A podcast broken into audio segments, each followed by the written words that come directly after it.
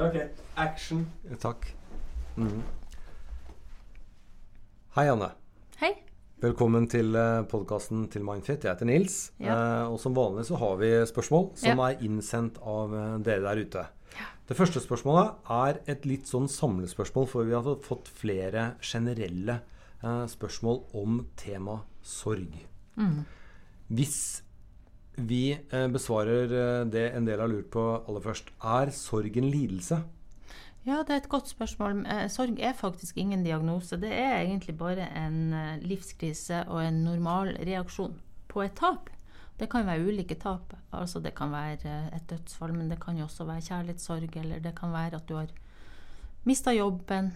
Sorg kan jo komme i mange forskjellige forkledninger. Så definisjonen på sorg er på en måte at det, det skjer noe fundamentalt negativt i livet ditt som uh, går rett inn på følelseslivet ditt. Ja. Og ofte altså sorg ved skilsmisse. Og, men, men jeg tenker dødsfall er jo Ofte forbinder en sorg med det, da. Men jeg tenker en kan jo utvide litt uh, hva en tenker. Uh, for sorg kan jo komme på flere typer livskriser. Ja. Hvordan er det man best skal bearbeide sorg? Vi kan jo f.eks. ta ved, ved dødsfall. Eh, ikke sant? Før så tenkte en mer sånn at dette går i faser, og de fleste går altså En, en hadde vel litt mer sånn skjemaorientert holdning til det. Eh, jeg vil tenke at det er veldig individuelt nå, da. Jeg tror de fleste har en sånn sjokkfase som er i starten da. Og selv de, selv de der har det vært et altså Ved sykeleie og sånn, så sier jo folk at selv om jeg visste det her, så ble det som et sjokk. Så du har nok en liten sånn sjokkfase først. Spesielt når det har vært eh, dramatisk, sånn plutselig død. Um, og så tenker jeg at du orienterer deg jo ganske fort. Det tar kanskje et par dager, og så begynner det å, å komme litt sånn inn til deg at dette faktisk har skjedd. Og da går det veldig forskjellig. En sier det ofte sånn at de tre til ni første månedene gjennom de, den perioden, så er det de verste perioden for de fleste, da. Men sorg kan jo også komme tilbake på merkedag. Altså det kan jo ha gått fire år, men hver merkedag, det er mange som sier. Så, så kjenner de på reaksjonene igjen. Mm, Men, men sorg er en naturlig del av livet det er det. som de aller fleste vil eh, oppleve. Ja, det er jo ingen av oss som er her for evig, sånn at sorg er en del av det som vi alle vil oppleve etter hvert. Men hvordan eh, skal man best bearbeide det? Ja, uh, igjen så blir det noe med at det fins vel ikke noe standardsvar på det. om Det, det fins ikke noe som best. Uh, noen sier jo jeg tror sorg kommer og går litt. Og spesielt kan du se det på barn. Altså, plutselig, altså, plutselig er de lei seg, og så plutselig kan de leke. ikke sant? Og jeg tror at det er fint at en kan få lov å gå inn og ut av det. Og få noen pauser fra det. Jeg tror veldig mange opplever at hvis de er i det hele tida, så blir det fryktelig fryktelig tungt og fryktelig mye. Sånn at jeg tror det kan være lurt å, å, å ha noen rutiner, komme seg i gang med ting, gå turer, få gjort ting som også er litt positivt, så en får litt pause fra det. Samtidig så tror jeg heller altså Det å legge lokk på det og bare liksom skynde seg videre, det er det mange som, som sier at, at det angrer de litt på. For at da kom det egentlig tilbake seinere. Så, så, så det å ta på alvor at en har vært gjennom noe som, som gir en reaksjon, det tror jeg nok er lurt. Eh, er det viktig å ha noen fortrolige å snakke med? Ja, det tror jeg for mange. Jeg tror også um, det, det er sånn ved sorg at, at, uh, at de rundt kan bli usikre. Skal jeg liksom si noe? Skal jeg bare la de være i fred? Altså, gjengs vil jeg si at de fleste setter jo pris på at du viser at du har forstått at du har vært gjennom et tap. Men en må vel respektere at, at uh, folk er altså Kanskje akkurat den dagen så vil ikke personen snakke om det. Så jeg tror de rundt må jo tåle litt det, da. Men det å vise at en bryr seg, det setter alle pris på når de er i en sorg. Det tror jeg. Er det eller finnes det noe profesjonelt hjelpeapparat uh, eventuelt for å hjelpe folk uh, med tung sorg? Ja, altså Du kan jo få mer sånn kompliserte sorgreaksjoner. For det kan være noe med, med, med det her tapet som var traumatisk òg. Altså det kan være at det var en bilulykke, og at eh, du ser for deg Du får jo egentlig minner som er veldig ubehagelige. Det kan være ved sykeleie at, at du liksom ikke blir kvitt bildet av, av den som er syk, som ligger der på sykehuset, ikke sant. Og, og, og mange Hvis du får det sånn, så kan det være du trenger profesjonell hjelp. eh, ikke egentlig til å bli ferdig med sorgen, men, men, men, til å få hjelp med de her påtrengende minnene og kanskje skyldplager rundt det som du ikke klarer helt å gi slipp på sjøl. Men er det psykologer som hjelper med det? Ja, det kan jo også være uh, annet helsepersonell, tenker jeg. Uh, prester driver jo mye god sorg. Uh, hjelp med sorg, de. Sånn at det vil jeg ikke tenke bare psykologer. Men når du tenker denne litt mer kompliserte reaksjonen, så tror jeg at du må gå til noen som kan noe om det, da. Ja. Men hvis det, Vi har jo også kriseteam som noen ganger blir kalt sammen, særlig ved ulykker og, ja. og større traumatiske ting. Eh, hva består et kriseteam av, hvis vi, hvis vi på en måte avgrenser det til det kognitive, holdt jeg på å si? Hva det består av? Nei, altså et krise... Og det var også sånn med kriser før. Det er jo også interessant at en, at en etter hvert har funnet ut at, at altså Før var en så opptatt av debrifing og at det skal gjøres umiddelbart. Og, og nå har en funnet ut at kanskje ikke alle har i like stor grad behov for det. sånn at En må liksom prøve å skreddersy det litt mer. Det er faktisk sånn at, at hvis du rett etter noe som har vært veldig Rett etter en sånn skremmende opplevelse eller noe som har vært veldig fælt, kanskje tar det litt med ro og ikke mm, snakker så mye om detaljer rundt det, så, så kan det godt være at detaljene faktisk kan plage deg mindre. Og det har de forska litt på i det siste. Um, en har funnet ut at det å spille Tetris det var, det, En kaller det her Tetris-effekten. Sånn at rett etter noe som har vært veldig traumatisk, det kan også være knytta til sorg uh, Hvis du får satt deg ned og spilt Tetris, så gjør du noe som gjør at du blir veldig rolig, og så får du kanskje ikke de her krisereaksjonene i etterkant. da. Uh, men så skal jo ikke det heller misforstås til at hvis noen absolutt vil prate, så skal de liksom ikke få lov å prate, hvis du skjønner. Så I et sånn kriseteam så tror jeg de må være litt sånn åpen for begge deler. Men, men, i første omgang, hvis det har skjedd noe alvorlig, ulykke og sånne ting, så trenger jo folk varme og omsorg, altså pledd og, og, noen som er der. Og gjerne trenger de de som de egentlig er trygge på fra før av. Mm. Ja. Eh, det var eh, oppsummerende om en del spørsmål som er innsendt rundt temaet sorg. Og vi går nå til noe helt annet. Det er et veldig langt spørsmål, ja. så, så, det har vi kuttet ned litt på. Men uh, vi kjører på. Hei, jeg lurer på noe. Kanskje er spørsmålet litt for innvikla for denne rubrikken, men jeg prøver allikevel. Først så prøver jeg å beskrive situasjonen.